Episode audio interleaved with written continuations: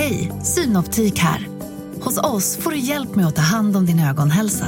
Med vår synundersökning kan vi upptäcka både synförändringar och tecken på vanliga ögonsjukdomar. Boka tid på synoptik.se. Hej och välkomna till Lisa läser. Det är jag som är Lisa och idag ska jag läsa sista delen av Tom Sawyers äventyr. Tom och Becky hade först gått tillsammans med hela gruppen. Men snart tyckte de att det var roligt att undersöka gångarna. De gick och småpratade och märkte inte att de kom längre och längre bort ifrån gruppen och den välbekanta delen av grottan. De rökte med ljusen in sina egna namn på ett utskjutet klippblock och gick vidare. De gick långt ner i en hemlig djup. De hittade hålor med vackra stenformationer och de stötte på forsande vattenfall. De följde en rännil till en källa med isblommor av glittrande kristall. När de kom fram till en underjordisk sjö satte de sig ner och då kände de hur trötta de var. Under taket hade väldiga mängder av fladdermöss packat sig samman i klungor. Tusentals i varje flock. Djuren blev störda av ljusskenet och de kom i skockar på flera hundra och pep och anföll ljusen. Tom tog Becky i handen och förde in henne i närmaste gång. Det var i sista minuten, för en fladdermus hade släckt Beckys ljus precis när de gick in i gången.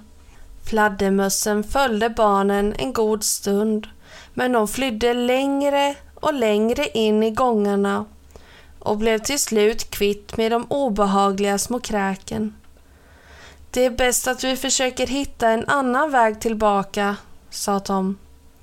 Ja, men tänk om vi då går fel, sa Becky. Det är ingen fara, svarade Tom kaskare än han hade känt sig. Becky blev rädd och började gråta. Tom försökte muntra upp henne, men snart insåg han att de hade gått vilse och att det skulle bli mycket svårt för dem att bli räddade. Ingen skulle ju sakna dem det första dygnet. Så småningom somnade de och sov ganska länge. När de vaknade steg de upp och gick vidare hand i hand. Men det var hopplöst. Timmarna släpade sig fram. Hungern började plåga dem. De små brödbitarna som de haft med sig tog snart slut.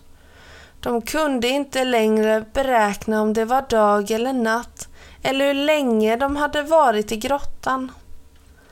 Så slocknade ljusen. Nu satt de i kolsvart mörker. Så kom Tom att tänka på att han hade ett draksnöre i fickan. Det fäste han vid ett klipputsprång. De höll i snöret och trevade sig fram. De kom genom många gångar och hålor, men de kom inte ut. Varje gång fick de med snörets hjälp leta sig tillbaka till klipputsprånget. Vid ett tillfälle blev Tom dödsförskräckt. Han fick syn på en människa. Först blev han glad och trodde att de var räddade. Sedan såg han till sin fasa vem det var. Indian Joe. Tom och Becky var instängda i grottan med en mördare. Timmarna släpade sig fram och blev till dagar och nätter. Becky orkade inte gå längre, men Tom sökte sig fram så långt draksnöret medgav. Och äntligen en kväll såg han en liten ljusfläck. Han tog sig tillbaka till Becky. Tillsammans lyckades de ta sig till öppningen. Gången mynnade ut i floden tre kvarts mil nedanför dalen där grottan var belägen.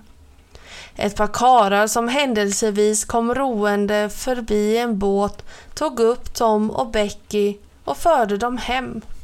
Mitt i natten blev det ett häftigt ringande i kyrkklockorna och snart vimlade gatorna av folk som var alldeles vilda av glädje.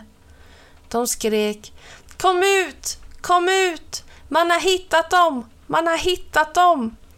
Med kastruller och lock och horn som ökade oväsendet tågade folk ner mot floden i en tät massa för att möta barnen som kom åkande i en öppen vagn som drogs av människor. Hela tiden dånade hurraropen. Överallt lyste ljus. Ingen gick till sängs den natten. Tom låg omgiven av en stor skara nyfikna åhörare och berättade om det fantastiska äventyret. Med tre dygns svält och oro i grottan kunde de inte skaka av sig med en gång. Tom och Becky fick ligga till sängs ett par dagar och det tog 14 dagar innan de hade återfått krafterna efter sitt hemska äventyr. När Tom sedan träffade Beckys far berättade denna att han hade låtit spika en stor järnplåt för grottöppningen så att ingen skulle kunna komma in där. Tom blev likblek. Vad står på? undrade domare Thatcher. Och domaren, Indian Joe är i grottan. När domaren och hans män kom till grottan fann de Indian Joe ligga strax innanför den spärrade öppningen. Han hade dött av hunger och utmattning. Morgonen efter Indian Joes begravning sökte Tom upp Huck, som fortfarande var ganska svag. Tom berättade Pengarna finns i grottan, Huck. Jag vet en genväg dit som ingen annan känner till. Man kan ro nästan ända fram med en båt. Tom, på hedersord. Är det skoj eller allvar? sa Hack. Allvar, Hack”, svarade Tom. Vill du följa med mig in dit och hämta ut dem? Ja, visst vill jag det, svarade Hack. Om vi bara kan komma dit utan att råka i livsfara. Ja, det är ungefär en mil in i grottan, den vägen som andra skulle gå. Men jag vet en genväg som ingen annan känner till och jag ska ro dig ända fram i en båt och tillbaka igen. Så du behöver inte anstränga dig ett dugg. Då ger vi oss iväg, sa Hack. Strax efter middagen lånade pojkarna en liten båt som tillhörde en bortrest person och rodde iväg. Med sig hade de bröd och kött, ett par påsar, några draksnören, ljus och svavelstickor.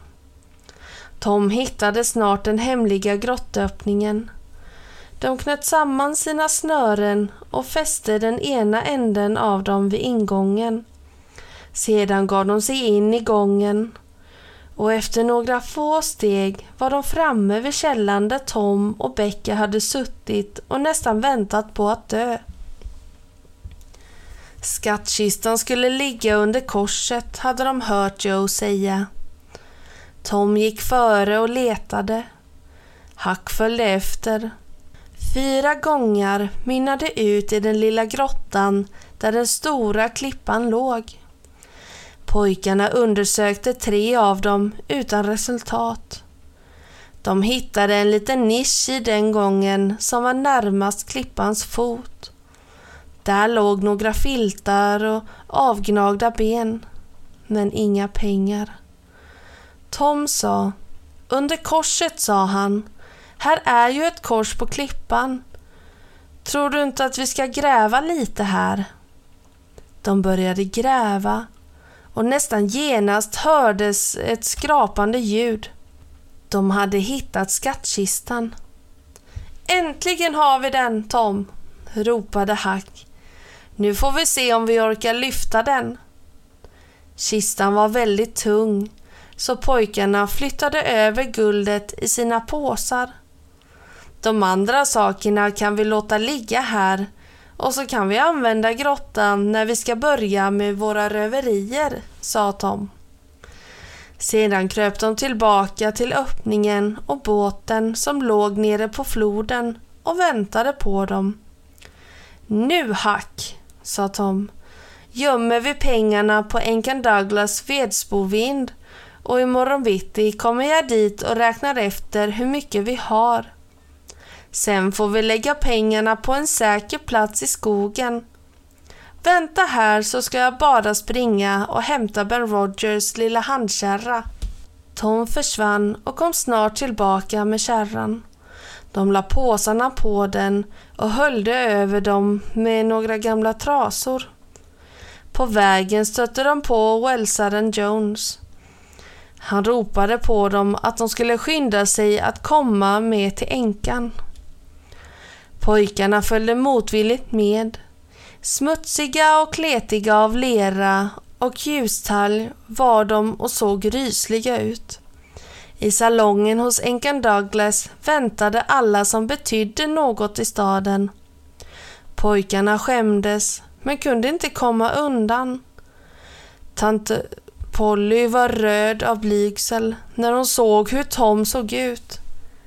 Först fick pojkarna gå och tvätta av sig och sen fick de gå tillbaka ner i salongen. Änkan Douglas hade på något vis fått reda på att det var The Huck som hade räddat henne från Indian Joe och nu ville hon tacka honom. Det var dukat till supé och ett dussin barn satt vid småbord i samma rum.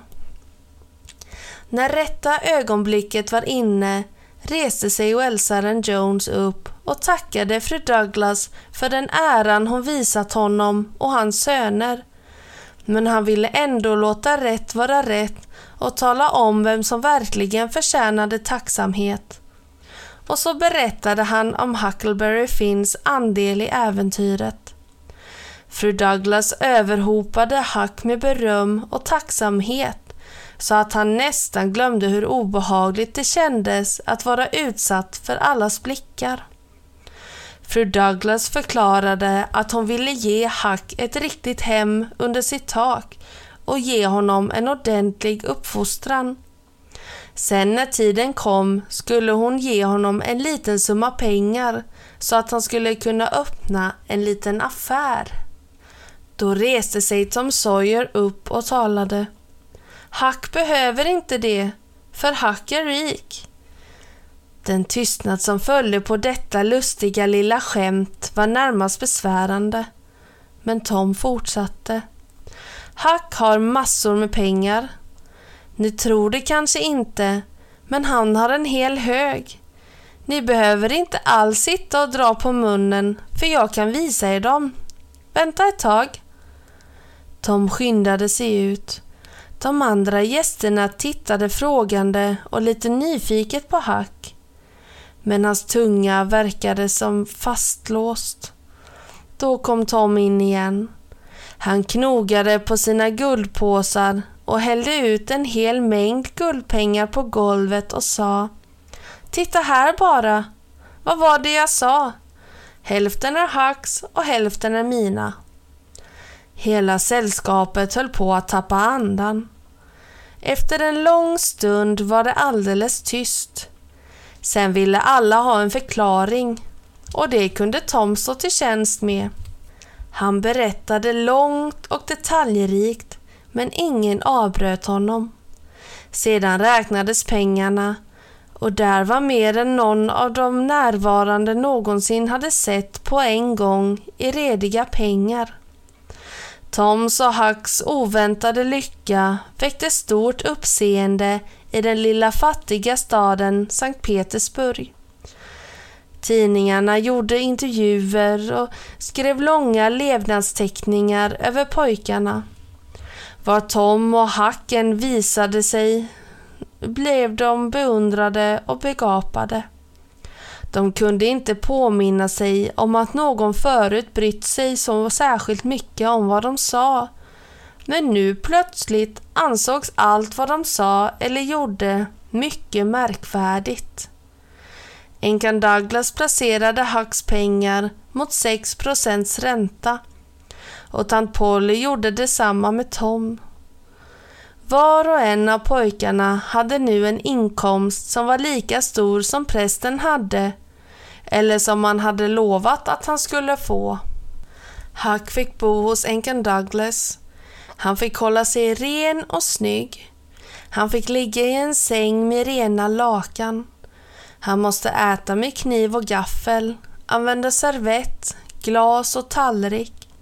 Han måste läsa läxor och gå i kyrkan. Han kände sig kort sagt som en fånge. I tre veckor såg han ut, sen var han försvunnen. Fru Douglas var djupt bedrövad och alla letade efter Hack. Den tredje dagen hittade Tom honom bakom det gamla övergivna slakteriet bland gamla tomfat. Där hade Hack sovit. Han var otvättad och okammad. Jag går aldrig tillbaka Tom, sa Hack. Jag vill vara fri och inte äta när klockan ringer och lägga mig när klockan ringer och stiga upp när klockan ringer. Jag vill inte leva efter klockan. Det var tråkigt, sa Tom. Då kan du inte vara med i Tom Sawyers rövarband. I ett rövarband måste man ha lite hyfs. Hack tänkte efter en stund och så sa han Ja, om du låter mig vara med i ditt rövarband då går jag väl tillbaka till fru Douglas. När ska vi börja? Ikväll. Vi ska ha invigning och svära eden att aldrig förråda varandra. Det låter bra Tom. Kom så går vi. Och fulla av lyckliga drömmar och fantasier gick Tom och Hack tillbaka in i staden. Och snipp, snapp, snut så var Tom Sawyers äventyr slut.